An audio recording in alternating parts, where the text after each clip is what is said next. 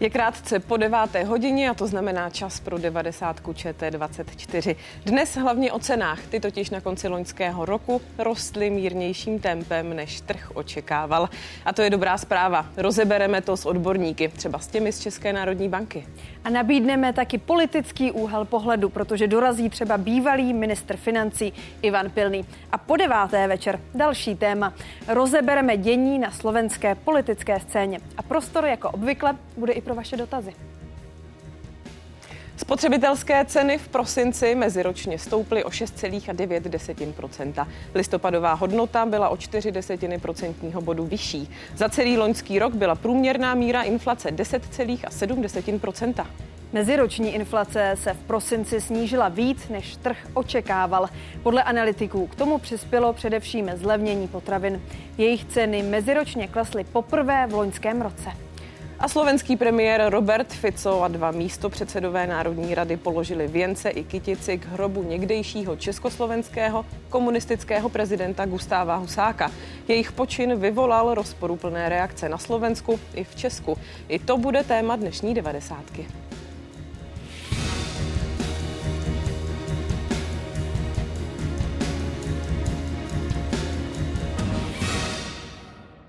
Zdražování v Česku dál zpomaluje. Meziroční inflace v prosinci klesla na 6,9% Přispělo k tomu hlavně zlevnění některých potravin. Statistický úřad ale srovnával data se závěrem předloňského roku, kdy platil úsporný tarif na energie.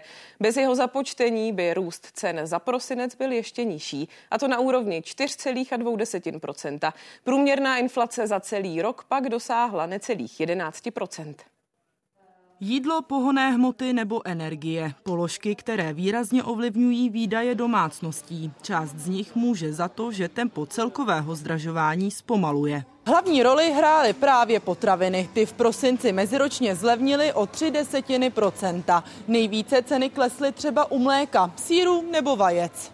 Všímá si toho i Ladislava Zvonařová. Rostoucí výdaje nejen na potraviny ji v poslední době výrazně ovlivnily. To byla katastrofa toho důchodu jsem vyšla jen tak tak, nebej dcery, která mě takhle občas koupila jídlo. Určitě koukám na ceny a většinou jdu na akce. No, ale něco se taky zlevnilo, jako o něco malinko. Je to napříč celým sortimentem, ale nejvíce viditelné to je například u mléčných výrobků nebo u vajíček. Maso pečivo zůstává zhruba na podobné úrovni, to znamená nezdražují ty potraviny. Co inflaci loni krotilo, byly ceny na čerpacích stanicích. Třeba litr Naturalu 95 tankovali řidiči ke konci prosince v průměru i za méně než 36 korun. Teď už sice paliva mírně podražila. Podle analytiků ale žádné další skokové navýšení zvýšení cen v příštích týdnech nepřijde. 36 korun eh, bola cena i na začiatku roku 2014, to znamená pred desiatimi rokmi. A pred desiatimi rokmi ale boli eh, mzdy eh, skoro polovičné oproti, oproti súčasnosti. Takže keď to porovnáme, tak paliva jsou relativně lacné. Opačným směrem naopak na inflaci působila řada dalších položek, hlavně těch spojených s bydlením. Nejvíc elektřina meziročně zdražila o 140% Situace se ale teď uklidňuje. Ty ceny se postupně snižují. Ta konkurence hlavně u těch domácností bude určitě zase čím dál tím větší a ty nabídky budou lepší. Důvody zdražování byly přitom za poslední dva roky i velkým politickým tématem. Ukazuje se to, co dlouhodobě tvrdím, že to jsou právě potraviny a e, klesající cena potravin, která tahne inflaci dolů. A ta predikce na rok 2024 je také pozitivní a jsem rád, že to ta první čísla letošního roku skutečně potvrzují. První dva roky Fialovy vlády jsou tak definitivně obdobím, které si velká část naší společnosti bude pamatovat jako čas největšího zdražování. Tlaky na růst cen by ale letos podle analytiků ani centrální banky nemusely být tak velké. Ten dosavadní vývoj je příslibem, že inflace v lednu letošního roku bude začínat trojkou s vysokou pravděpodobností. Centrální bankéři už přitom počítají se změnami v cenících, spotřební daní nebo sazbách DPH. Jak přesně se promítnou do lednové míry inflace, bude jasné až v polovině února. Redakce Anina Ortová, Česká televize. A pojďme tedy eh, dnešní čísla inflace rozebrat více. Petr Král, ředitel sekce měnové z České národní banky, je se mnou ve studiu. Hezký den. Dobrý večer, děkuji za pozvání. A vítám také Tomáše Nideckého, bývalého viceguvernéra České národní banky a současného předsedu představenstva Národní rozvojové banky. Hezký večer i vám. Dobrý večer vám i divákům. Tak pánové, ten dnešní den tedy přidesl uh, hned tři, potažmo možná tedy čtyři důležitá čísla. Meziroční inflace 6,9%, pak stejné číslo tedy, ale bez započtení toho úsporného tarifu, to nám dává 4,2%. A pak tedy celoroční průměr, tedy 10,7%. Tak které z těch čísel je eh, pro vás, pane králi, nejvíce určující pro ten budoucí vývoj? Já bych řekl, že eh, ještě jedno číslo je velice podstatné a to je, že v meziměsíčním vyjádření se cenová hladina v posledních hm, tři čtvrtě roce příliš nehýbe směrem vzhůru, což znamená, že ta inflace de facto už je na ústupu. Ten meziroční údaj je ovlivněn tou nízkou srovnávací základnou, těch 6,9% eh, je víceméně eh, číslo, které je částečně zkreslené. To číslo bez tohoto efektu 4,2% reflektuje to, že od ledna kdy se ceny zvýšily o 6%, již pak dál cenová hladina příliš nerostla a teď konkrétně v tom prosinci dokonce o 4 desetiny poklesla. Takže cenová stabilita je na dosah. S překlopením se do nového roku se to objeví jaksi v plné kráse. Meziroční inflace klesne s vysokou pravděpodobností do blízkosti 3% a my budeme moci říci, že po dvou až třech letech vysokého cenového růstu jsme zpátky na v cenové stabilitě vyjádřené, řekněme, inflací v blízkosti našeho dvouprocentního cíle. Pane Nidecký, um, souhlasil byste, je možná vlastně nejdůležitější to číslo, které jsem nezmínila, to znamená uh, ta inflace, která se liší mezi listopadem a prosincem? Eh, já souhlasím s Petrem, že skutečně mm, to eh, meziměsíční číslo inflace má z těch všech čísel asi velkou hodnotu. Já bych chtěl ale ještě říct eh, jednu věc, nebo dvě věci. Jedna věc je to, že vlastně je to už druhá informace pozitivní. První byla vlastně výsledek hospodaření vlády za loňský rok, který taky vlastně překvapil pozitivně ve smyslu, že byl nižší, než se, než se očekávalo i přes ty skoky v průběhu roku a vlastně i ta Eh, inflace za měsíc, eh, za měsíc prosinec nebo prosinci je taky eh, lepší, než očekával trh, než očekávali analytici a to považuji za dobrou zprávu. A pak je tam ten, ta druhá ještě poznámka moje a to je to, aby se to zmínila, že vlastně ta současná inflace je ovlivněná tím statistickým efektem z, kon, z konce loňského roku, takže kdyby ten statistický efekt nebyl, tak by ta inflace byla někde na úrovni kolem 4,2% bez toho efektu. A to si myslím, že to je ten signál, o kterém mluví Petr, eh, s tím sebevědomí, že skutečně inflace se nám vrací někam v tom prvním kroku k blízkosti toho tolerančního pásma eh, České národní banky. Souhlasíte tedy s tím, co říkal pan Král, že opravdu se v těch následujících měsících dostaneme eh, na úroveň 3%, možná tedy pod ty 3% nebo pod ta 3%? Čekáme na to už dlouho. Věřím, že i centrální banka čeká na to, nechci říct důležitější, ale skutečně vždycky to lednové přecenění eh, nastaví určitou laťku pro ten eh, celý rok. Eh, já vlastně i těch eh, čísel za měsíc 12 předpokládám, že skutečně ta lednová inflace nebude eh, žádné negativní překvapení a eh, nemám jedinou, jedinou pochybnost nebo nějaký důvod nevěřit vlastně expertní prognoze sekce měnové, takže já skutečně věřím, že se příštím roce přiblížíme anebo dokonce dostaneme do toho, do toho horního pásma tolerančního České národní banky. Kdybychom měli tedy ještě dál, pojďme se podívat na divácký dotaz od, pan, od pana pana Zdeňka, kdy se inflace dostane na nějaké opravdu dobré hodnoty na 3% nebo 2%. Tak eh, ta 3% už jsme tedy zmínili, kdybychom se měli zaobírat možná ještě tedy tím druhým číslem, to znamená 2%, tam, kde by možná Česká národní banka tu inflaci viděla ještě raději, tedy na těch 3%. Jaké jsou vaše odhady? Tak ten očekávaný pohyb v tom lednu, který teď prožíváme víceméně, tak ten nastaví vlastně výchozí hladinu meziroční inflace pro tento rok. A dá se očekávat, že to číslo bude v blízkosti 3% a ve zbytku roku se budeme pohybovat někde kolem této hladiny. E, máme e, přece jenom pořád ještě zvýšenou jádrovou inflaci, což je vývoj cen zboží a služeb takových těch typických tržních, e, které nejsou příliš kolísavé, nejsou ovlivňovány bezprostředně energiemi nebo, nebo úrodou. A jádrová inflace v prosinci byla stále 3,6 to znamená, a víme dobře, že tento eh, cenový segment vykazuje vysokou setrvačnost. To znamená, pokles inflace v tomto segmentu trvá již více než rok, ale není zcela dokončena, dokončen a z toho důvodu se lze domnívat, že pokles inflace výrazněji pod 3% nastane až v tom roce dalším, to znamená v roce 2025. Pro ten letošek bych řekl, že budeme všichni více než spokojeni s tím dosažením té horní hranice tolerančního pásma, jak to hezky popsal Tomáš. Pane Nidecký, jak důležité je v tuto chvíli, řekněme, uklidnit ta inflační očekávání, protože čerstvý průzkum poradenské společnosti PVC hovoří o tom, že zhruba polovina šéfů českých společností si myslí, že inflace se v roce 2024 bude pohybovat mezi 3 až 5 procenty. Tak jak zásadní je to, že jednoduše manažeři českých firm tomu vlastně příliš nevěří a jak hodně by se tedy teď měli lidé uklidňovat? Ta ukotvenost eh, inflačních očekávání, to je asi, eh, nebo vždycky byla ta největší obava centrálních bankéřů, protože samozřejmě, když dojde k té situaci, že se eh, inflac, inflační očekávání odkotví v hlavách vlastně spotřebitelů a manažerů, tak skutečně je to pro centrální banku velká práce tyto očekávání vrátit zpět. Já si to vysvětluji tím, že skutečně my jsme tady prožili relativně dlouhé období enormně vysoké inflace inflace, ani to číslo, které dneska vlastně eh, dneska prezentoval statistický úřad, tak s ním nemůžeme být spokojeni. Stejně tak, jako nemůžeme být spokojeni vlastně s deficitem eh, hospodaření, eh, hospodaření státu.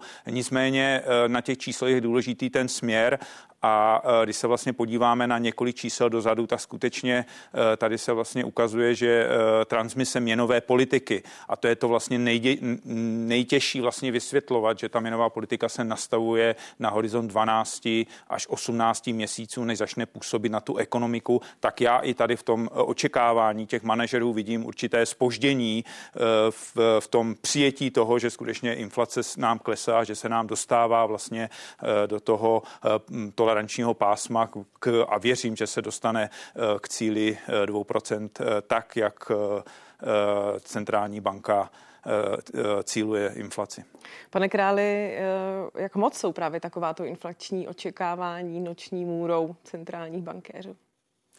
Tak oni jsou uh, potenciální noční murou a potenciálně velkým pomocníkem. Pokud máte inflační očekávání dobře ukotvená, pokud cent, centrální banka přesvědčí lidi a firmy o tom, že Eh, cenová stabilita je prostě dlouhodobým osudem téhle země a že tu je instituce, která o tu cenovou stabilitu pečuje a má nástroje, které je schopná, ochotná používat, aby tu cenovou stabilitu uhájila nebo ji obnovila, tak v takovém případě je eh, inflační šok dopadající do takové ekonomiky pouze krátkodobého charakteru. Lidé a firmy nemění svoje očekávání a svoje plány, nepřizpůsobují tomu svoje výdaje, svoje, svoje ekonomické plány a záměry a v takové situaci inflační šok většinou ovlivní cenovou hladinu na, řekněme, jeden rok a posléze vyprchá, aniž by dlouhodobě podrýval důvěru lidí v eh, českou měnu. Tak eh, to je věc, která je eh, každého, pro každého centrální bankéře klíčová a centrální bankéři se samozřejmě snaží mít inflační očekávání pod kontrolou. Nejnovější údaje o zdražování podle analytiků předznamenávají prostor pro další snížení úrokové sazby centrální bankou. Základní sazbu bankovní rada snížila v prosinci, a to o čtvrt procentního bodu na 6 a 3 čtvrtě procenta.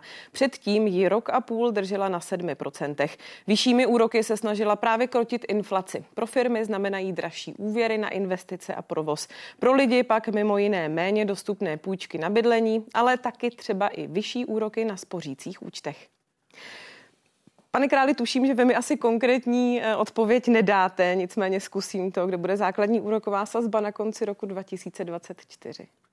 Tak eh, já můžu se odvolat na poslední dostupnou prognózu České národní banky, kterou zpracovala sekce měnová eh, pro listopadové měnové zasedání bankovní rady.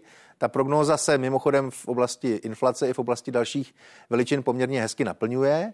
A ta prognóza avizovala pro ten letošní rok poměrně strmý pokles úrokových sazeb, eh, vyjádřeno tou naší dvoutýdenní reposazbou, eh, eh, kterou úročíme vklady bank u České národní banky, tak tam bychom se do konce roku podle té podzimní prognózy měli dostat někam na hladinu 3 až 3,5 Ta prognoza samozřejmě časem bude aktualizovaná. Teď máme před sebou únorové měnové zasedání. Bankovní rada e, pokles úrokových sazeb zahájila svým rozhodnutím v prosinci loňského roku, kdy je snížila e, na 6,75%, to znamená o 4% bodu. Všechny další prognózy bankovní rada posoudí, vyhodnotí jejich rizika a nejistoty a bude se rozhodovat podle svého nejlepšího uvážení. Pane Nidecký, od vás konkrétní typ dostanu, nebo se budete také držet eh, prognózy kolegů tedy z České národní banky a eh, ten váš, váš typ vlastně bude podobný? Eh, já mám dneska tu výhodu, že si můžu typovat a můžu být otevřenější, než můžou být centrální bankéři. Já stejně tak věřím té prognóze. Na druhou stranu musím říct, že a očekával bych, tak jak vnímám vlastně eh, rozhodování eh, bankovní rady, že bankovní rada bude o něco opatrnější, než ji ukazuje prognóza. Když se podívám i zpětně, tak i my jsme byli opatrnější, než ukazovala prognóza připravená expertní sekcí, kdy jsme bojovali s inflací zvyšováním úrokových sazeb. I z komentářů některých členů bankovní rady očekávám, že skutečně budou velmi pečlivě opatrně zvažovat všechny data data a ty eh, kroky, které jsou spojeny se snižováním sazeb. Eh, to, co říkal Petr, je asi důležité. Eh, je tam ten důležitý signál té, jedno, té jednomyslnosti v bankovní radě o zahájení procesu snižování sazeb a jejich určité normalizace. Hm. Podle toho, co teď vidíte, vidíme tedy my všichni čísla za inflaci za celý rok 2023. Viděli jsme, jak se to vyvíjí v těch posledních měsících. Zmínil jste to, že Česká národní banka už započala začala tedy ten proces snižování úrokových sazeb. Dočkáme se podle vás prudšího snižování úrokových sazeb než jen o čtvrt procentního bodu? Já jsem vám trošku utekl z té předchozí otázky. Já si myslím, že se dostaneme někam ke čtyřem, možná třem a půl procentům. Uvidíme eh, samozřejmě, eh, jak inflace, jak se bude, jak rychle se bude inflace snižovat. Eh, v každém případě, když si jenom matematicky spočítám počet těch měnových rozhodování, samozřejmě centrální banka se může rozhodnout i pro mimořádné opatření, tak já bych předpokládal, že nastanou i větší kroky, než byl tento první signalizační v podobě, jak Petr tady zmínil, 25 Eh, bázických bodů. Pane Králi, kdy bude čas a prostor na hodnocení toho, jestli Česká národní banka v těch posledních eh, měsících a letech se s inflací poprala správně, protože eh, ozývaly se tu hlasy kritiků, kteří nejprve tedy říkali, že sazby by měly být výš než na 7%, měly se zvyšovat více, pak naopak, že by se měly rychleji srážet dolů. Tak kdy bude jednoduše čas a prostor na to si to v klidu vyhodnotit? Tak ten čas a prostor zřejmě nastává a je na úvaze každého a případně na analýzách nezávislých eh, akademických pracovišť, případně mezinárodních institucí, aby na tom posou, posouzení nebo na, na tom vyhodnocení mohli začít pracovat. Nikdo jim jaksi nebrání. Já bych jenom pro úplnost uvedl, že Česká národní banka byla jedna z prvních centrálních bank na světě, která začala zvyšovat úrokové sazby a tím bojovat proti inflaci již v červnu roku 2021. A i tehdy to zbudilo jakýsi eh, jakési pozdvižení, vlastně proč se vydáváme eh, do boje proti inflaci zvyšováním sazeb, když Evropská centrální banka nebo Americká centrální banka eh, zatím eh, v klidu, v klidu stojí na, na nízkých sazbách. A to zvyšování úrokových sazeb v následujících obdobích bylo razantní.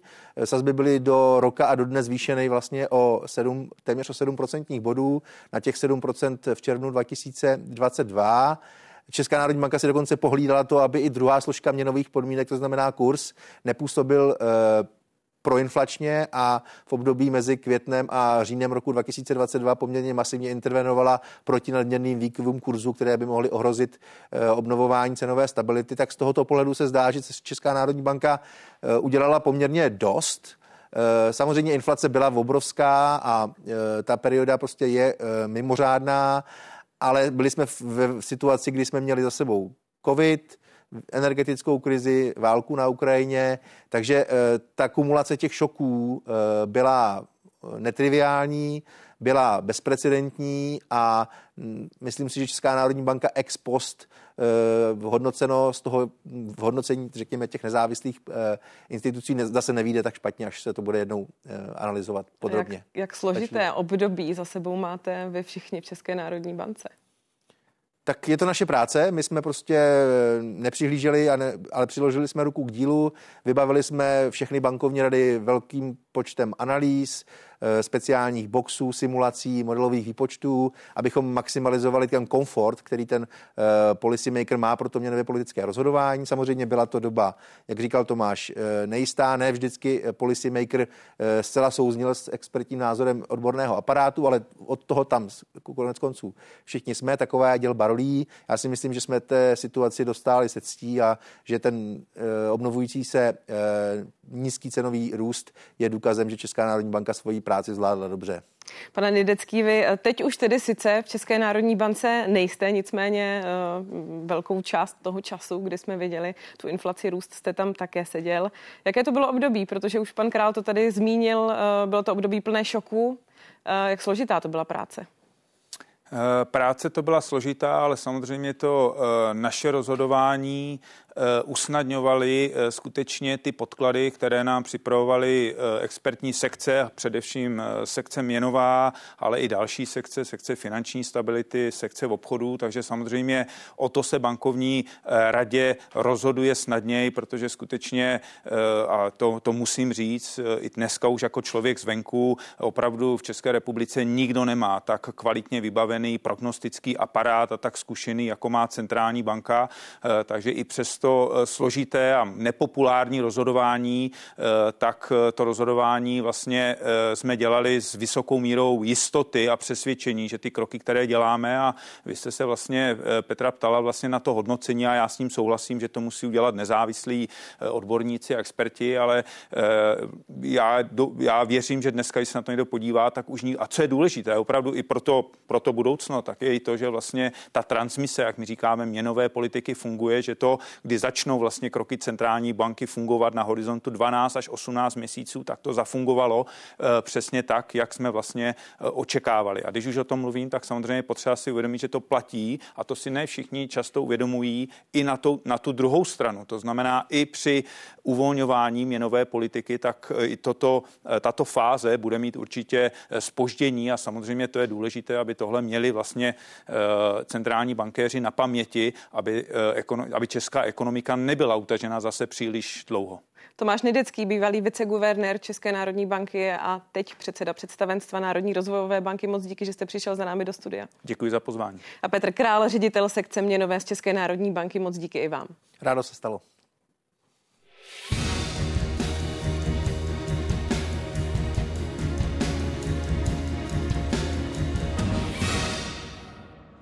A jak se bude vyvíjet inflace v tomto roce? Alespoň podle odhadů některých institucí. Česká národní banka předpovídá průměrné tempo růstu spotřebitelských cen ve výši 2,6% Ještě o něco optimističtější je v tomto ohledu Česká bankovní asociace. Ministerstvo financí je v odhadu celoroční inflace skeptičtější. V listopadové prognóze počítalo s celoročním průměrem 3,3 Důvody k poklesu inflace tu jsou otázka, jak rychle budeme klesat. Ta důležitá zpráva je, že inflace České republice zpomaluje, že není důvodu se obávat dalšího prudkého nárůstu cen. Lidé už nemusí chodit se stresem do obchodu a obávat se, o kolik procent vzrostly jejich základní potřeby letošní rok. Letošní rok bude rok uklidnění situace s inflací a jestli bude inflace začínat v průměru trojkou nebo dvojkou, už je jenom uvozovkách kosmetická záležitost. Ale ta dobrá zpráva je, i když by se nenaplnily optimistické prognózy České národní banky do písmene, tak je důvod postupně snižovat dál úrokové sazby. Protože i inflace, když bude pozvolna klesat okolo 3-4%, pořád dává prostor České národní bance poklesu úrokový sazeb. Pojďme dál tedy pokračovat eh, s komentáři. Dominik Stroukal, ekonom z Metropolitní univerzity Praha a také člen Národní ekonomické rady vlády je s námi ve studiu. Hezký večer i vám. Dobrý večer. Pane Stroukale, tak eh, máme vyhránou, porazili jsme inflaci. Oh, jak se to vezme a jak se to počítá? Já jsem dneska zrovna koukal na vše možná média a sociální sítě a těch čísel, kdy člověk řekne vysoké, že ještě vyhráno nemáme, nebo se to přepočítá na meziměsíč, eh, meziměsíční inflaci a ještě se anualizuje, roztáhne na celý rok, tak to zase vypadá, že máme vyhráno až příliš. což je občas možná problém i pro veřejnost se v tom zorientovat, že těch čísel je celá řada, tak eh, když se to vezme suma sumárum, já bych řekl, že jsme na cestě k vítězství, takže vyhráno ještě nemáme, ještě máme před sebou dlouhou cestu, ještě během let celého letošního roku prostě nebudeme na cíli, takže to zjevně řečeno vlastním cílem centrální banky ještě vítězství není. Pokud se podíváme na ta čísla za prosinec, eh, tam je relativně překvapivé to, že právě inflaci dolů táhly potraviny. Co za to může? Jsou to nějaké předvánoční slevy nebo jednoduše to, že uh, řetězce uh, už si řekli, že spotřebitel neakceptuje další zdražování? No to zjistíme zejména teďka v lednu, protože to, čeho se obávala centrální banka a nakonec z nějakých předběžných analýz usoudila, že to takový problém nebude, je to lednové přecenění. My vždycky vidíme, že inflace v lednu je vysoká, potom ten zbytek roku už, dneska to komentoval jeden kolega, už běží trošku na volnoběh a ten leden teďka ukáže, jestli skutečně ten prosinec byl důkazem toho, co říkáte, že už nebylo kam zvyšovat ceny a nebo jestli to byla prostě anomálie, která skutečně byla. To je jako nejnižší nebo nejvyšší snížení cen potravin, které jsme zažili od té doby, co jsem koukal, to měříme někdy od roku 2000, možná od jak živa. Takže za čtvrt století je to nejvyšší prosincový pokles, který známe. Takže to anomálie už takhle je, ale uvidíme teďka v lednu, protože přece jenom v tom lednu, když to dělají všichni kolem, tak se tam leco schová a možná je to jeden z posledních výstřelů, kdy můžou eh, výrobci i prodejci ještě trošku někde zvednout, aby a často i oprávněně, aby jako dokázali kompenzovat některé své zvýšené náklady. Takže teď se ukáže v lednu, jestli ten prosinec byl anomalie nebo ne.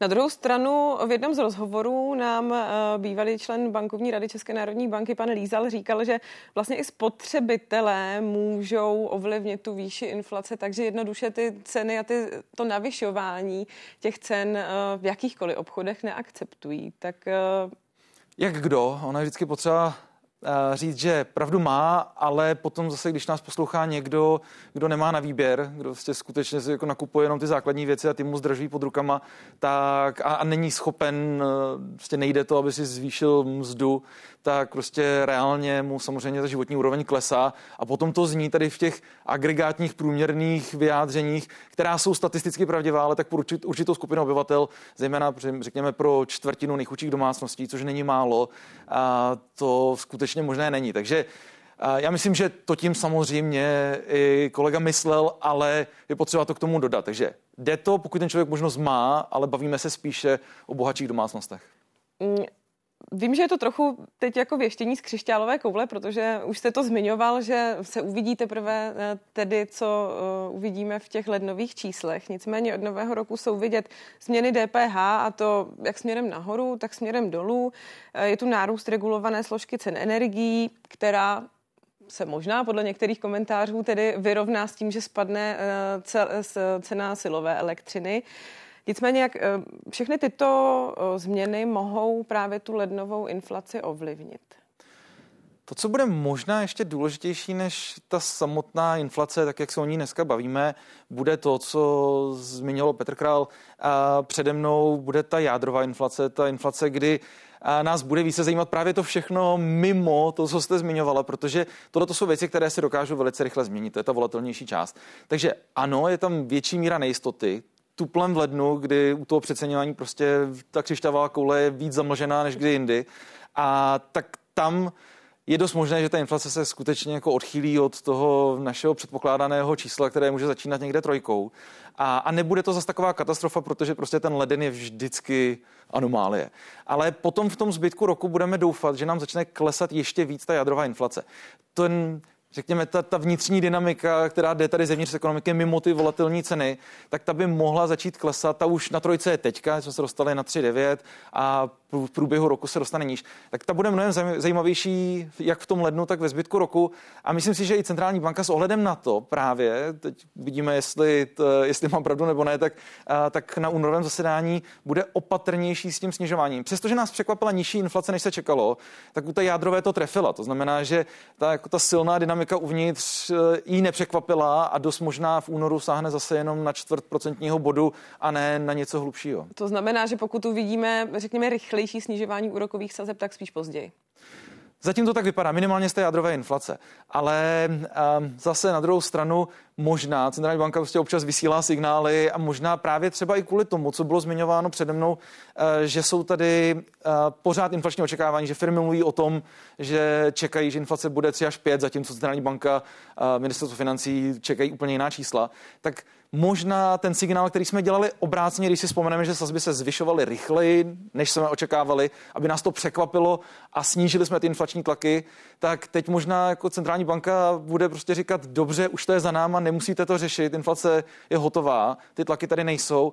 A jako, jakým způsobem to bude komunikovat a součástí té komunikace je i to překvapení v sazbách, to nejsem schopný posoudit, ale myslím si, že teď právě ještě bude opatrnější, pořád jsme na začátku, ještě není vyhráno a to snížení bude o čtvrt bodu.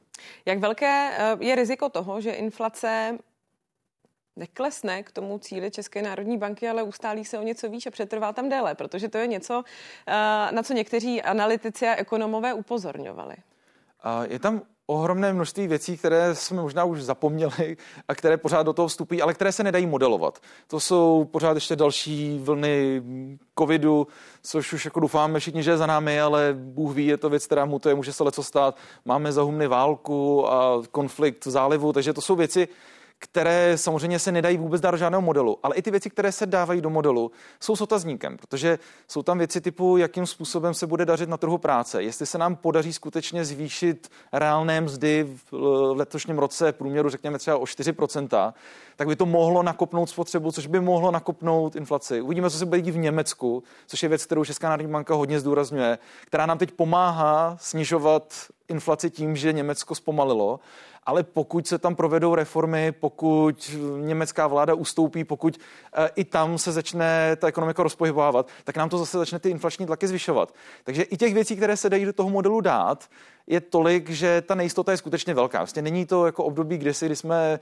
jako řešili, že změna o 0,1% bodu byla překvapením. Teď prostě v tom následujícím roce pořád ještě, a to se vracíme zpátky k té první otázce, není vyhráno ani s těmi predikcemi, ta nejistota tam je, ale je mnohem menší, než byla v loňském nebo předloňském roce. Tam prostě ty intervaly spolehlivosti byly mnohem širší. I přes to všechno, eh, co si eh, teď tady eh, my spolu říkáme, to znamená inflace jde dolů, jsou to dobré signály a tak dále, tak když jsem se před chvíli ještě dívala na data z Eurostatu, kde za prosinec tedy ještě nejsou všechny, tak mi z toho stále ještě vycházelo, že v Česku je nejvyšší inflace v celé Evropské unii. Co je tu jinak?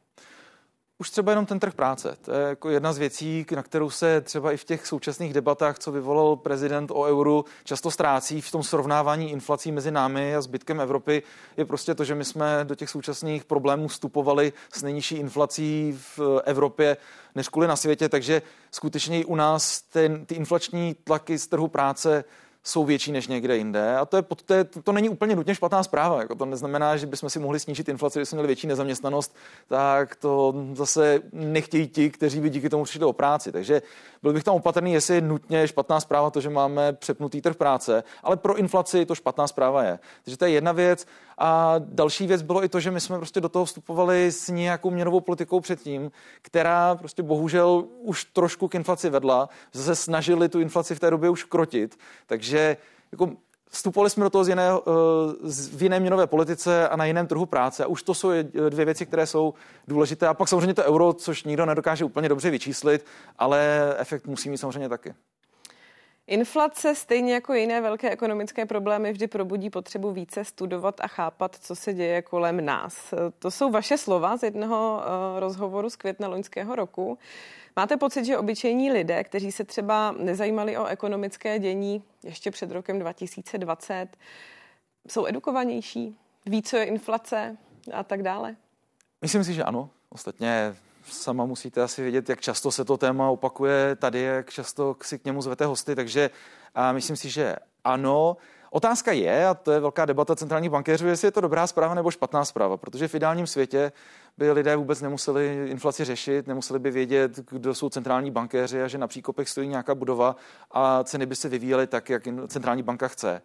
My jsme se dostali do stavu, kdy to tak není, což je špatná zpráva pro centrální bankovnictví, ale díky tomu aspoň jsme zjistili více než kdy jindy, vidím to na svých studentech, že je zajímá, jak vznikají peníze, kde se berou, jak se propisují uh, úrokové sazby přes ten tra, uh, transmisní mechanismus, o kterém mluvil kolega Nejdecký, do té ekonomiky, jak dlouho to trvá, proč prostě ty věci mají spoždění. A to jsou věci, o kterých se dneska baví studenti v prvním ročníku na vysoké škole, když studují úplně jiný obor, což ještě pár let zpátky úplně nebylo, to se řešily jiná témata. Je to možná jedna z mála pozitivních věcí, kterou si odnést z toho dlouhého období vysoké inflace a finanční energetické krize? Je to vždycky taková znouzesnost. Já bych nehledal na něčem tak špatném, jako to, co se nám teďka stalo, něco nutně dobrého, ale pokud bych musel a nechtěl utíkat z té otázky, tak tohle je jedna dobrá zpráva, že to přineslo nějakou finanční hramotnost a myslím, že spíš jako ekonomickou v tom smyslu, že chápeme, jak fungují peníze. A potom možná i pro naší měnovou politiku, že jsme si vlastně vyzkoušeli, jestli jsme schopni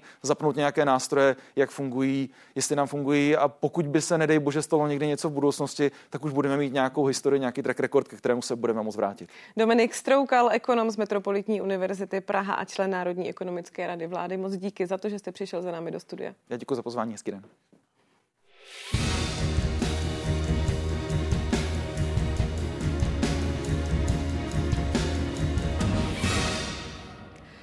Podle statistiků prosincovou inflaci zbrzdily hlavně potraviny, které buď přestaly zdražovat, anebo ještě zrychlily ve zlevňování. Třeba ceny vajec byly poslední měsíc loňského roku skoro o třetinu nižší než o rok dřív. Výrazně zlevnilo také trvanlivé mléko. Mírný pokles pak statistický úřad zaznamenal u pohoných hmot a olejů. O desítky procent ale naopak zdražovalo bydlení a jeho jednotlivé položky, třeba vodné a stočné. O 142% pak narostly ceny elektřiny. Dražší byly v prosinci také některé služby. Třeba ve stravování ceny poskočily vzhůru o 8% a ubytování meziročně zdražilo skoro o 11,5%. V meziročním srovnání zdražil také alkohol. Někde se ale snažili ceny nezvyšovat. V minulém roce už se nám zdá, zdálo, nebo byla situace taková, že ty hlavní komodity, které používáme, nezdražovaly. Zdražovaly uh, služby a nějaké vlastně věci, které, které mají v tom celkovém eh, v tom celkovém nákladu pro nás menší vliv než, eh, než ty hlavní, takže se nám podařilo udržet vlastně ceny bez zdražení. Myslím si, že eh, je velká neznámá jsou opět energie, protože se má vlastně měnit nebo prostě je ke zvý, bude se zvyšovat ten distribuční poplatek, což je zásadní. Takže uvidíme opět, co, co udělají energie, ale jinak eh, eh, jinak si myslím, že ty ceny skutečně, eh, jak jste, jak jste o tom mluvil, vlastně dochází k určité stabilizaci a už, už ten nárůst není takový. Pojďme tedy zamířit alespoň trochu do konkrétna. Bohumil Hlavatý, výkonný ředitel Sevazu pekařů a cukrářů v České republice, je také s námi ve studiu. Hezký večer i vám. Dobrý večer. Pane Hlavatý, tak ta dnešní čísla jsou předpokládám dobrou zprávou i pro vás. Uh, zcela určitě, ale já bych chtěl říci, že co se týká vlastně pekařského průmyslu našich výrobků, tam ta situace cenová je prostě konstantní už téměř 15 měsíců. Eh, cena základního pečiva, jako je rohlík nebo chléb, se v podstatě nemění už od října roku 2022. Uh, eh, vy ale vidíte vlastně i to, jaká je inflace u výrobců, jednoduše taková menší inflace, jak ji nazýváme, eh, což jednoduše předznamenává to, jaká ta inflační čísla uvidíme eh, v těch následujících obdobích. Eh, tak, tak jak vy to teď vidíte, jaký odhadujete ten cenový vývoj do dalších měsíců? Tak na začátek já samozřejmě nemohu predikovat vývoj ceny pečiva a chleba v nejbližších měsících. Spíš se zaměříme na to, v jaké situaci jsme teď a z toho možná jde vyvodit, jak se to bude vyvíjet i nadále. Ten loňský rok, rok 23, pro nás byl takovým rokem sklidnění a, a vlastně s pamatováváním jsem potom děsivém roku 22, kdy ceny energií šly dolů nebo stagnovaly, cena základní suroviny šla částečně dolů u té mouky, nešla tolik jako u pšenice, ale dolů šla. Na druhou stranu, my jsme se dostali zase v situace, do situace, kdy jsme museli a stále budeme muset navyšovat poměrně razantně platy našich zaměstnanců, protože náš segment doplatil na to, že platy vlastně zaměstnanců v pekárenském průmyslu byly nejnižší v České republice a skutečně v tuto chvíli už máme poměrně zásadní problém najít zaměstnance do našich pekáren eh, na ten ty práce a ty peníze, které jsme schopni nabídnout, takže to navyšování cen nás čeká i v eh, letošním roce. A ta krize odhalila že naprostá většina, eh, zejména teda průmyslových strojních pekáren těch větších, je velice špatně technologicky vybavená. Je to z toho důvodu, že ty ceny našich výrobků za poslední zhruba 15 let byly stlačeny tak dolů, že pekárny neměly žádné prostředky na investice. To znamená, ty technologie jsou zastaralé a teď se ukázalo v okamžiku, kdy dramaticky stoupla cena energií, eh, tak eh, ty energeticky náročné procesy, které máme se starými stroji s vysokou spotřebou energií, se staly obrovským handicapem. Eh, ty pekárny, které mají minimální automatizaci, potřebují obrovské množství lidí, eh, ta lidská práce se zdražuje a ty pekárny stojí před tím, pokud chcejí přežít, tak budou muset v nejbližších letošním a příštích letech poměrně dramaticky investovat. A tomu by tedy mohlo nahrávat to, že Česká národní banka začne postupně uh, snižovat úrokové sazby. Je to tedy uh, ten čas na to, kdy se, uh, řekněme, nejen podnikatelé v pekárenství, ale možná obecně podnikatelé, ale vy jste tady tedy za ten pekárenský a cukrářský biznis rozinvestují? Zcela určitě za náš obor musím říct že nám nic jiného nezbývá, že v tuto chvíli spíše půjde o to, aby pekány byly schopni vygenerovat dostatečný zisk na to, aby měli základní prostředky k tomu obnovovat svůj strojový park. Pokud se podíváme ještě na jednu věc, kterou jste zmínil, tak to jsou ceny energií. Eh, vláda přišla s tím, že eh, energeticky náročným provozům eh, od nového roku, alespoň tedy z části zadotuje tu regulovanou složku energií. To je něco, co vám pomůže? Zcela určitě to pomůže. Zase důležité říct si, nepomůže to úplně všem pekárnám. Ono je důležité vědět, že pekárny víc, spotřebují výrazně více plynu než elektrické energie. A uh, ta pomoc vlády, kterou určitě vítáme, je zaměřena, jak jste říkala, na uh, podniky, které jsou připojeny na vysoké a velmi vysoké napětí. A u nás je taková trochu červená čára právě v, mezi středně velkými pekárnami, kdy část z nich je na nízkém napětí, část je na uh, vysokém a velmi vysokém. To znamená, část vlastně pekáren tu pomoc dostane a část těch pekáren pomoc nedostane. To znamená, že tam mohou nastat nějaké potíže od nového roku, nebo rozdílnosti možná ne, v konkurenceschopnosti? Ne potíže, ne potíže, ale je to samozřejmě, ten trh je poměrně jakoby koncentrovaný, je, poměrně nasycený a tyto drobné rozdíly se mohou rozhodovat o tom, která pekárna přežije a která pekárna nepřežije. Hmm. Vy jste zmiňoval to, že eh, velice pravděpodobně budete muset dále navyšovat mzdy vašim zaměstnancům. Zmiňoval jste také cenu energií. Co další vstupy? Eh, znovu, eh, pro nás, jako my doufáme, že eh, již nám eh, neporoste cena surovin, těch základních, pořád i ten loňský rok byl trošku eh, složitý, klesala třeba cena mouky, začne stoupat cena cukru, pak klesala cena cukru, tak doufáme, že ten letošní rok bude klidnější a můžeme lépe predikovat, vlastně plánovat a predikovat své ceny. U energií doufáme, už příliš nečekáme, že by dramaticky klesaly, v tom jsme realisté, ale doufáme, že nějak dramaticky jako neporostou. To znamená, my v tuto chvíli skutečně řešíme, jak zaplatit naše lidi a jak zaplatit nové stroje. Vy jste říkal, že uh, už několikrát jste to tedy zmiňoval, že ten loňský rok byl už o něco klidnější než ten turbulentní rok 2022. Uh, nicméně, pokud bychom porovnali chování zákazníků, jak bude takové porovnání vypadat? Tak co se týká vlastně našeho segmentu, Eh, tam došlo, pokud srovnáme předkrizový rok 21 a rok 23, tak tam došlo k určitým pochopitelným změnám chování našich zákazníků, protože ty naše výrobky, víme všichni, je zdražily poměrně výrazně až o 50%, to znamená, byla to poměrně rychlá a dramatická změna. Eh, k čemu došlo? Eh, za prvé, v předkrizových letech ta cena pečiva byla tak extrémně nízká, že bohužel to pečivo nemělo svoji hodnotu a podle našich výzkumů více než třetina pečiva se vyhodila. To znamená, koupili jsme si rohlíky, koupili jsme si chleba, druhý den za dva dny jsme vyhodili a šli jsme si koupit zase velké množství chleba a rohlíků. To se trošku změnilo, tam skutečně jakoby ten objem toho pečiva, které se nespotřebuje, dramaticky pokleslo, což bylo způsobené chováním právě zákazníků, kteří začali nakupovat pečivo častěji, menších množství, tak aby se dalo skonzumovat, kupují třeba méně těch rohlíků a dramaticky se změnilo vlastně prodej chleba podle velikosti, kdy ještě do roku 21 převládal u těch konzumních chleba ta velikost velká bochní, těch 1200 gramů. V tuto chvíli jsme na 800 gramech. To znamená, lidé skutečně kupují méně pečiva častěji, to znamená méně ho, eh, méně ho vyhazují, což si myslím, že i z našeho pohledu je velice dobře, protože nikdo ne, není rád, pokud něco vyrobí a skončí to někde v koši. Výkonný ředitel Svazu pekařů a cukrářů v České republice Bohumil Hlavatý byl hostem 90. ČT24 a já za to moc děkuji. Děkuji za pozvání. Podle Petra Moravy z Asociace Českého tradičního obchodu se výrazné skokové zdražování z loňského roku letos opakovat nebude a zákazníky čeká lepší období. Jak moc zpomalující inflace povzbudí domácnosti v utrácení, podle něj ukáže až únor a březen. Co se týká prosince, tak bych řekl častější nákupy, ale ne vyšší hodnota nákupů. Ehm, co se týká ledna, to je takový měsíc, který se velmi špatně vyhodnocuje, protože eh, ten měsíc je obecně slabý, jsou tam různý předsevzetí a tak dále, takže jako mm, eh, vyměňují se dárky, řeší se jiné věci, takže ten leden jako je taky zatím v průměru, ale eh, ukáže spíš únor a březen, jestli, jestli se ten trend trošku pozitivně projeví i v tom nákupním chování pro spotřebitele je taková jako dobrá zpráva, že nic by ho v tom obchodě nemělo negativně zaskočit.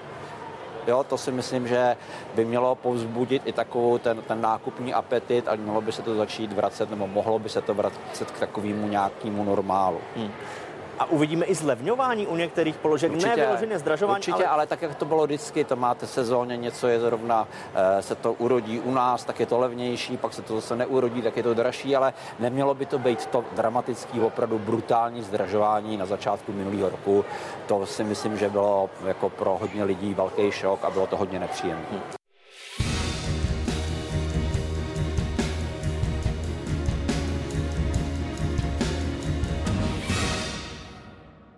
Stále sledujete pořad 90 a dnešní hlavní téma inflace. Pojďme se teď podívat do historie. Máme tu vývoj inflace od vzniku samostatného Česka. Nejvyšší byla právě v roce 1993. Průměr za celý rok dosáhl bezmála 21%. Výraznější ale bylo zdražování téměř po celá 90. léta. Dvouprocentní hodnotu vidíme až v roce 1999. Další větší vrchol, to je rok 2008 a hospodářská krize. Loni pak rostly ceny v průměru skoro 11% tempem, o rok dříve 15%. A přidáme ještě vývoj základní úrokové sazby. České národní banky. I ta byla v 90. letech zásadně výše než dnes. V roce 1997 například skočila bezmála na 40% a až do konce roku 1998 nikdy neklesla pod úroveň 10% Naopak rekordně nízko byla mezi lety 2012 a 2017, kdy centrální banka držela na takzvané technické nule, tedy pětisetinách procenta. K čerstvým číslům ohledně tempa růstu spotřebitelských cen a jejich budoucímu vývoji se dnes vyjádřili třeba taky politici Josef Bernard a Radim Fiala. Eh, ukazuje se, že ty kroky, které podniká vláda, Česká národní banka v boji, v boji proti inflaci, tak jsou správné. Já jsem přesvědčen, že v příštím roce budeme atokovat hranici 2 až 3% inflace, což je ten zásadní krok pro stabilizaci této země, proto aby jsme mohli eh, nastartovat růst hospodářství. Tak doufám a přeju si, aby byla inflace, aby zpomalila co nejvíc, aby, aby ceny rostly co nejméně. Samozřejmě pro českou ekonomiku, pro české spotřebitele je to, je to velmi důležitý argument ale nejsem si úplně jist, že ten pokles inflace bude tak rychlý a tak, jak si přeje například Česká národní banka nebo ministerstvo financí. Náš další host, Ivan Pilný, bývalý ministr financí ve vládě zahnutí Ano. Dobrý večer, zdravím vás na dálku. Hezký večer vám i divákům. Tak pane Pilný, inflace klesá. Kdo na tom podle vás má vůbec tu největší zásluhu? Tak to je docela problematické, ale já bych se zatím z toho poklesu tak moc neradoval, protože problém je, když se podíváte na to, jak ta inflace se vyvíjela posledních dva a půl roku, tak přesáhla 30%, což je teda obrovské číslo. A ta náprava nebo změna k lepšímu eh, bude trošku problematická, protože eh, v lednu samozřejmě už se projeví eh, ty ceny energií, které se zdraží jednak pro domácnosti tím přesunutí těch dotací obnovitelných zdrojů, ale také se objeví prostě ve firmách, což samozřejmě zvýší jejich náklady. A když se podíváte na to, jak se vyvíjí ekonomika, která zatím spíš směřuje k negativním číslům, tak se obávám, že třeba nějaký růst reálných mest bude velice selektivní a velice pomalý. Takže zatím bych řekl, že se opravdu není z čeho radovat. Já se nechci dívat do historie, proč jsme s tou v tom boji s tou inflací byli tak neúspěšní, protože když se porovnáváme například s Polskem, které bylo kritizováno za to, že mělo nulové DPH na potraviny nebo snižovaly ceny pohonných hmot, bylo to prostě kritizováno, ale dneska polská ekonomika stoupá a inflace je na nižší úrovni, než má v současné době Česko. Takže velký důvod k radosti to není a myslím si, že všichni z nás eh, to více než 30% zdražení, které proběhlo za dva a půl roku, prostě bolestně pocítí a rozhodně příští rok se opravdu nemáme z čeho radovat a i když ta inflace samozřejmě už musí, musí nutně poklesnout. Pane Pilný, eh, velkou radost, tak jak vy říkáte, z toho nemá taky divačka Veronika K. Ta vlastně se ptá na něco podobného, o čem jste mluvil. Co z toho mají lidé, že klesá inflace? Energie jsou stále drahé, jídlo levnější jen o minimum, mzdy nerostou. Změní se něco z toho brzy? Mohou lidé očekávat zvýšení platů? Tak můžete tu vaši odpověď, prosím, ještě více rozvést. Jaké výhle, vyhlídky tedy jsou? Tak vzhledem k tomu, že ta ekonomika se opravdu neví, nevyvíjí způsobem, který bychom si přáli, to znamená ke kladným číslem, k kladnému růstu, tak se obávám, že eh, vzrůst těch reálných mest eh, bude velmi selektivní a zdaleka nesplní očekávání. A musíme se prostě smířit s tím, že některé ty věci, já jsem říkal, že prostě za dva a půl roku se nám vlastně ta inflace nám ukrojila přes 30% z těch, eh, z těch reálných výdělků, takže opravdu asi veselo nebude. Nepřispěje k tomu ani konsolidační balíček, protože mimo jiné se například kromě energií, které jsem zmínil, eh, se také zvýšilo DPH na vodné a stočné, potom eh, se tam prostě objevují další kroky, které eh, například participace na tom nemocenském u zaměstnanců, dopad na osoby samostatně výdělečné činné, činné takže očekávat prostě nějaký jako zázrak a návrat takovým, jako bych řekl, lepším zítřkům i při té snížené inflaci, která pravděpodobně nebude asi tak optimistická, jak je předvídají některé orgány, jako bude bohužel velice pomalý. Pane Pilný, skutečně tedy nic, když se podíváme dopředu z toho konsolidačního balíčku, nebude fungovat protiinflačně? No tak to bych, to opravdu nevím, protože ten konsolidační balíček v podstatě Eh, není nic jiného než eh, zvýšení daní, které vlastně mělo nahradit to nesmyslné eh, a špatně načasované zrušení superhrubé mzdy, které stálo státní rozpočet přes 100 miliard tak se musí pro jistě najít nějaká náprava a příjmy státního rozpočtu se prostě zvyšují, protože de facto ten konsolidační balíček znamená, že se zvýší daně prakticky, prakticky, prakticky každému, každému a na všechno. To rozhodně nepřispěje ani k tomu, aby byly vyšší reálné mzdy, ani k tomu, aby to byl nějaký boj s inflací. S tou inflací jsme asi nebojovali úplně dobře, protože stále jsme prostě na chvostu, na chvostu Evropy a ty problémy, které byly způsobeny eh, jednak tím, že Česká národní banka asi příliš brzo zastavila zvyšování těch úrokových sazeb a zároveň eh, vlastně žádná rasantní opatření vlády v té oblasti snižování inflace prostě nepřišla. Připomeňme, že zrušení superhrubé mzdy prosadila vláda Andreje Babiše, tedy člověka, který vás navrhl na tehdejšího ministra financí. V minulosti... Já bych jenom chtěl říct, že to byla inic to bylo ANO a ODS, Za hlasů to samozřejmě společně s hlasy ODS i pan a ministr financí SPD. Stanura. To je třeba rozhodně zmínit společně s hlasy ODS a SPD. V minulosti se vláda a centrální banka mediálně přeli o to, kdo vlastně za inflaci může. My jsme v médiích sledovali takové vzkazky od Petra Fialy, Aleše Michla.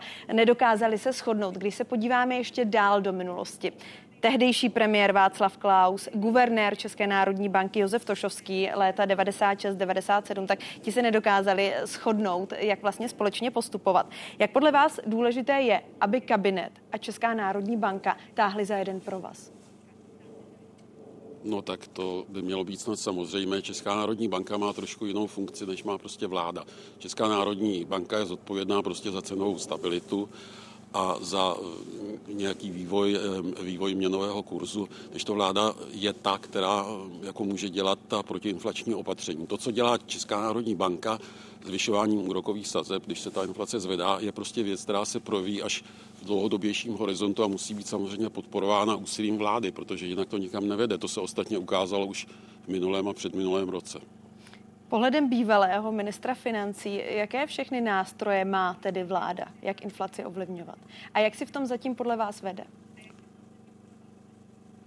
Tak eh, určitě by eh, neměla, eh, určitě by měla se pokusit něco udělat třeba s cenami, protože samozřejmě já jako minister financí vím, že možnosti vlády v této oblasti jsou omezené, ale jsou prostě nějaké. A bylo naprosto zřejmé, že ten, ten ten nárůst cen, který prostě nastával, byl, byl tedy extrémní a e, je velmi těžké to nějakým způsobem vysledovat. Vláda se snažila sledovat třeba marže u pump a sledovat marže v tom potravinářském průmyslu, ale tam prostě ten dodavatelský řetěz je tak složitý, že není jednoduché ho rozplést, ale určitě přikročila k tomu, těm rasantním krokům, protože něco určitě k dispozici má, i když to nejsou přímo nějaká zákonná opatření. Pane Pilný, a kdybych teda tedy po vás chtěla dříve. konkrétní odpověď, kdybyste nebyl ministr financí eh, v květnu 2017, kdybyste byl teď, kdybyste byl před rokem, co přesně byste udělali jinak? Jakými nástroji?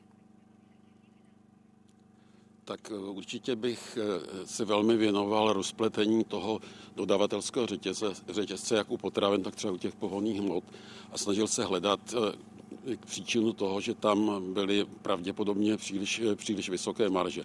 Potom bych použil nějakých neoficiálních nástrojů, protože přece jenom vláda má možnosti, jak zatlačit na ty řetězce. Tady zákon o významné tržní síle, má k dispozici třeba zemědělskou inspekci, a tak dále a tak dále. To znamená, že má nástroje, kterými může při nejmenším varovat ty, kteří se dopouští prostě těch excesů na to, aby prostě od té strategie ustoupili. Ten tlak by měl být mnohem silnější.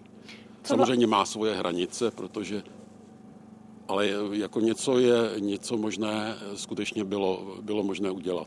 Co vládní pomoc s energiemi? Jaká byla? Měla přijít dřív? Měla být masivnější?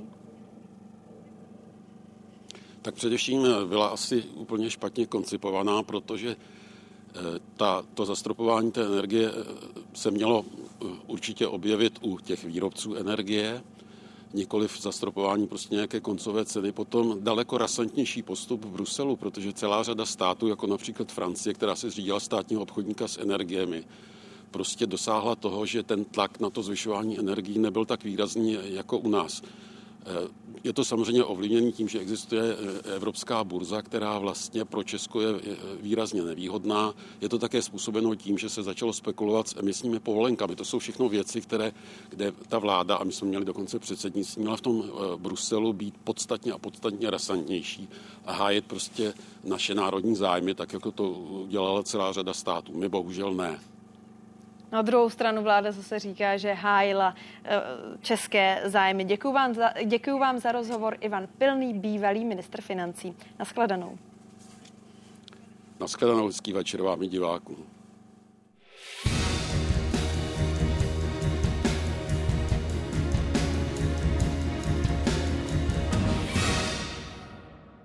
Probrali jsme inflaci z různých úhlů pohledu. Teď už ale nabízíme další téma. Slovenský premiér Robert Fico a dva místopředsedové Národní rady, Luboš Blaha a Andrej Danko, ve středu položili věnce a kytici k hrobu posledního komunistického prezidenta někdejšího Československa Gustáva Husáka a poklonili se u něj.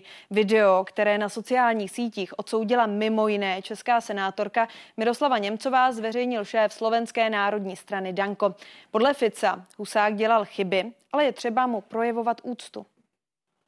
Gustav Husák mal ťažký život, urobil aj mnoho chyb, ale to, čo zanechal, z toho žijeme i dnešné generácie. Treba sa zo života človeka poučiť. Jední ho milujú, druhý ho zatracujú, ale taký už je ľudský život.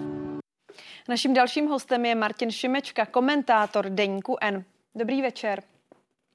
Dobrý večer. Ono to není poprvé, co Robert Fico velebil Gustáva Husáka, taky třeba eh, loni v srpnu eh, před volbami na oslavách slovenského národního povstání. Co tím podle vás svým voličům vzkazuje? Co z toho číst? Já bych řekl, že to je taková strategie uh, nás, jeho voliče, uh, kteří jsou ve směs je to spíš starší generace, která má tu nostalgii za komunismem, a protože na Slovensku ta normalizace i ten komunismus je vnímán lépe než v České republice.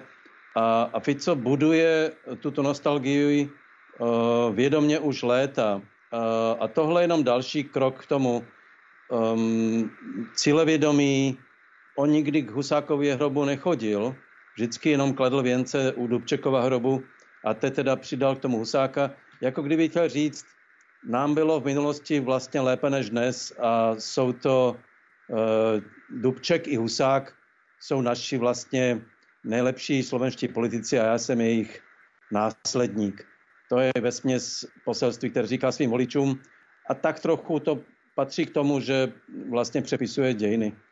Já když jsem se bavila ale se svými slovenskými kolegy, přáteli, nebo když jsem nahlížela do slovenských médií, tak právě toto téma tam nebylo nějak razantně dominantní. Tak je to vlastně něco, co slovenskou společnost zajímá, nebo byste řekl, že to třeba překrývají jiné kauzy? Jak toto číst? Myslím si, že to není podstatná věc, je to spíš součást celé strategie eh, Ficovy politiky, eh, která směřuje dnes eh, velmi, velmi zřetelně k autoritativnímu stylu vládnutí. A, a on to v podstatě dělá jakoby širokospektrálně tím, jak obhajuje Rusko ve válce proti Ukrajině, respektive jak odmítá pomáhat vojenské Ukrajině a říká, že Evropa selhala nebo Západ selhal ve válce proti, teda v, v tom i sankce proti Rusku, že selhali, je zcela jasně na ruské straně, ale říká to tak jakoby napůl a toto do toho patří. Je to vlastně celá jakoby komplex um, uh, náznaků, které jeho voliči vědí a čtou velmi dobře. Uh, není to nosná idea Husákův, obdiv vůči Husákovi není úplně nosnou ideou, je spíš doplňující vůči celé té strategii jak si řekněme ruské nebo proruské politiky. Konec konců Husák byl slouha Moskvy a to Fico samozřejmě neřekne. On napsal na Facebooku ehm, docela teda drsnou věc, že jakmile samozřejmě i Husák dělal chyby, ale napsal, že, že Husák eh, byl velký politik, protože v 70. letech zabránil represím v eh, normalizaci, což je teda opravdu jako historická lež, protože Husák byl autorem těch represí, ale to je, to je Ficův styl. Přesně tohle dělá, přepisuje dějiny tak, aby své voliče přesvědčilo o tom, že jako oni přesvědčeni o tom jsou, ale on jim to stvrzuje, že minulost za komunismu na Slovensku byla lepší a vlastně chceme jakoby pokračovat v této proruské a spíš autoritativní um, stylu uh, vlády i života. Já můžu divákům slíbit, že už za chvíli tady ve studiu uvítáme historika, takže podrobně rozebereme právě historickou roli Gustáva Husáka. Teď, když se ještě vrátíme na Slovensko, vy eh, pořádáte poutě po Slovensku nebo putujete po Slovensku, píšete o tom knihy, tak předpokládám, eh, že mluvíte s lidmi v různých koutech země. Řekněte mi, Robert Fico, člověk, který zkrátka vyhrál slovenské volby, neukazuje to na to, že právě on odráží názory slovenské, slovenské společnosti, že on roz rozumí slovenské společnosti?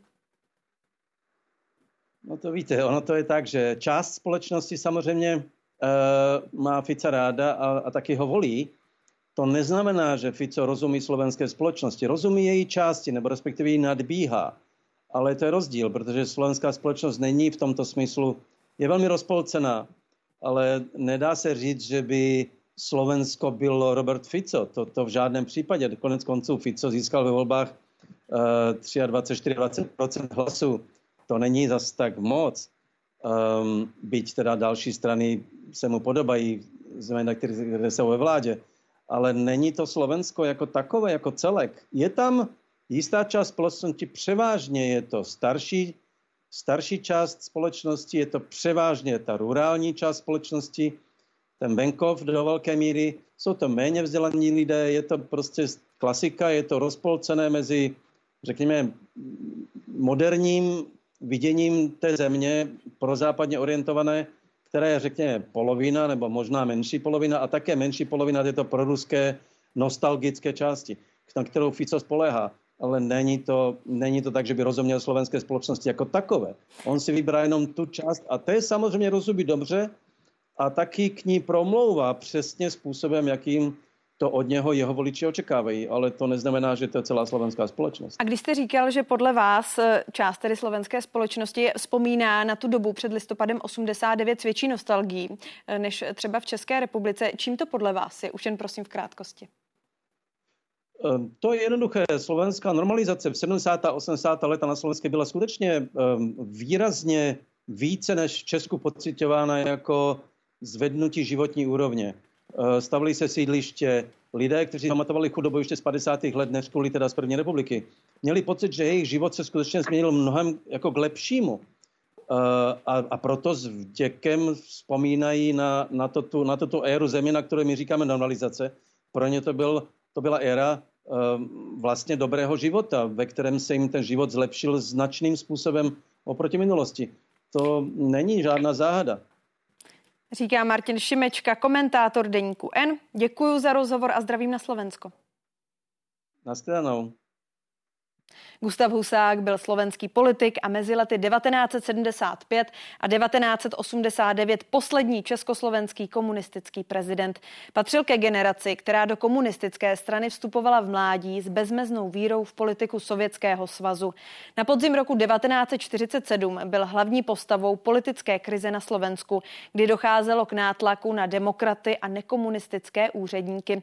Po komunistickém převratu se ale stal nežádoucím. V roce 1950 1991 byl zatčen a o tři roky později ve vykonstruovaném soudním procesu s takzvanými buržoázními nacionalisty odsouzen na doživotí.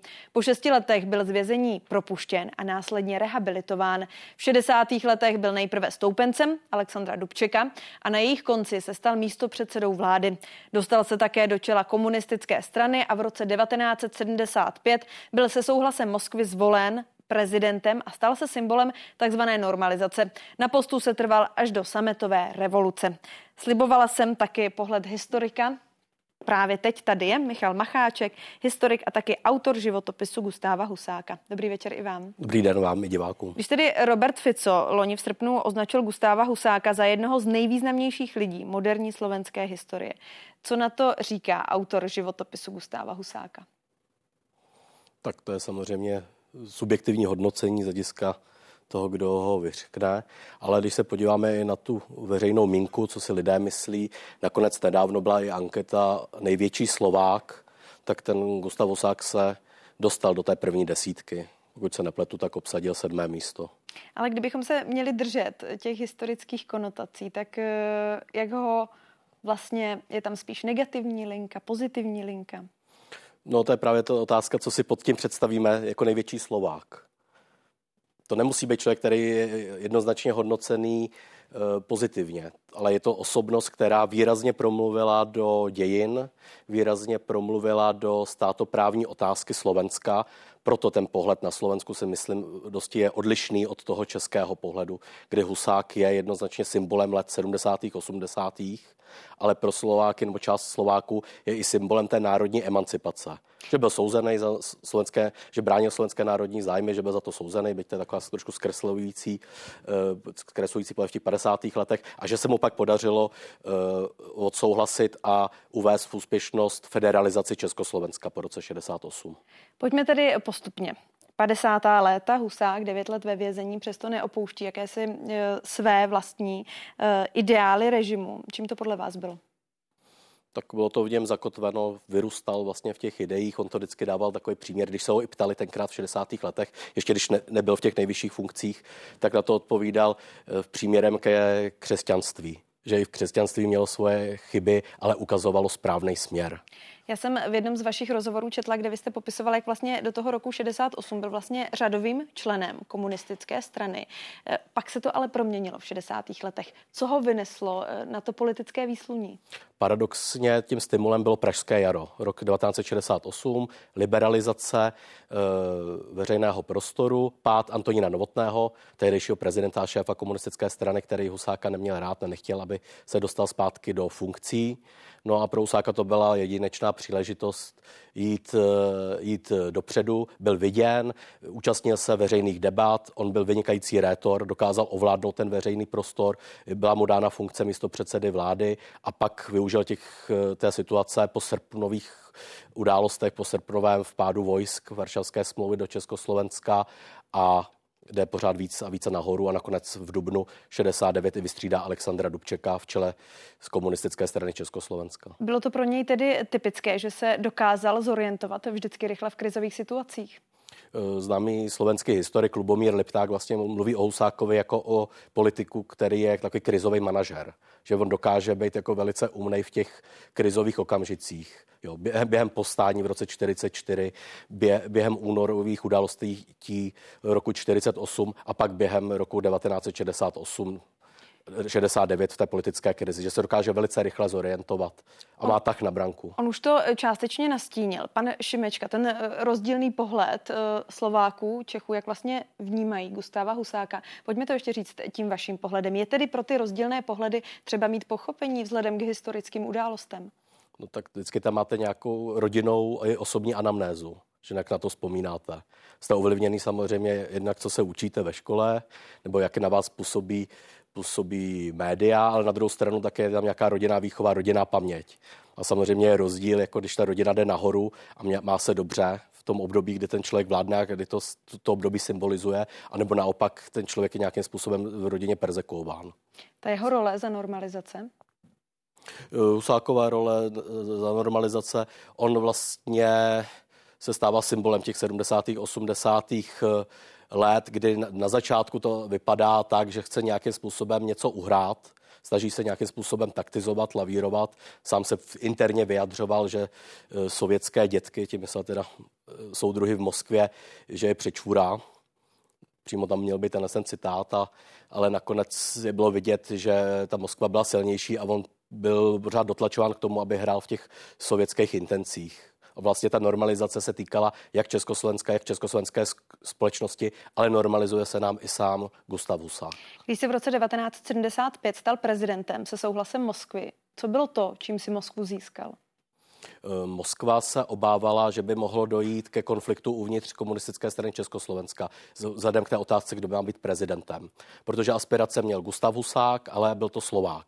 A tam se na to přistupovalo tak, že by bylo asi dobrý, aby Slováci měli obě nejvyšší funkce. Už byl šéfem komunistické strany a teď ještě, aby byl prezidentem republiky. Protože tam platila eh, ideologická mantra poučení z krizového vývoje ve straně společnosti po 13. sjezdu. To byl takový hlavní dokument, kde byl kritizovaný pražský jaro reformní pokus, ale byl tam kritizován i Antonín Novotný, že kumuloval tu funkci prezidentskou a šéfa strany. Takže Husákovi se vlastně podařilo tohleto, tohleto překročit, ten, ten Rubikon a nechat se zvolit. Byl tam například pretendent Alois Indra jako Čech, který by se mohl stát prezidentem, ale Husák si to, Husák si to obešel a získal podporu Moskvy a byl nakonec tedy v květnu 75 zvolen i prezidentem republiky jako první Slovák vůbec v československých dějinách. Možná i to je ta vlastně odpověď na tu otázku, proč, proč v těch slovenských hlavách v té, v té veřejnosti jako je silně Husák přítomný, že se mu podařilo vlastně dobít ten Pražský hrad jako, jako jedinému Slovákovi.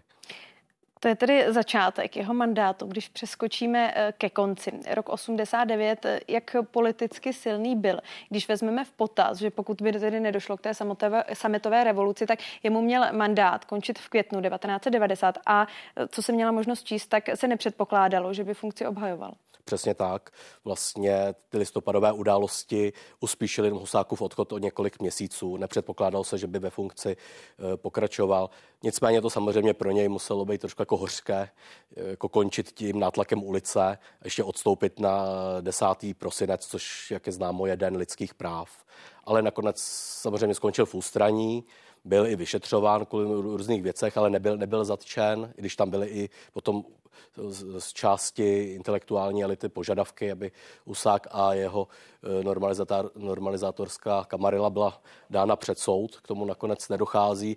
A když když se to na to podíváme, tak jako mnohdy ty osudy těch komunistických vůdců nebyly moc, jako, eh, moc eh, pozitivní, co se dělo. Vzpomeňuje Nikola Saučeska, který byl vlastně postaven před provizorní tribunál soudní spíš byla taková hra a postaven ke zdi, nebo jak skončil třeba generální tajemník Rudolf Slánský v politice. A Gustav Husák se eh, po listopadu 89 vrátil do Bratislavy, zemřel 19. Eh, listopadu 1991. Jaké tedy jeho byly ty poslední dva roky?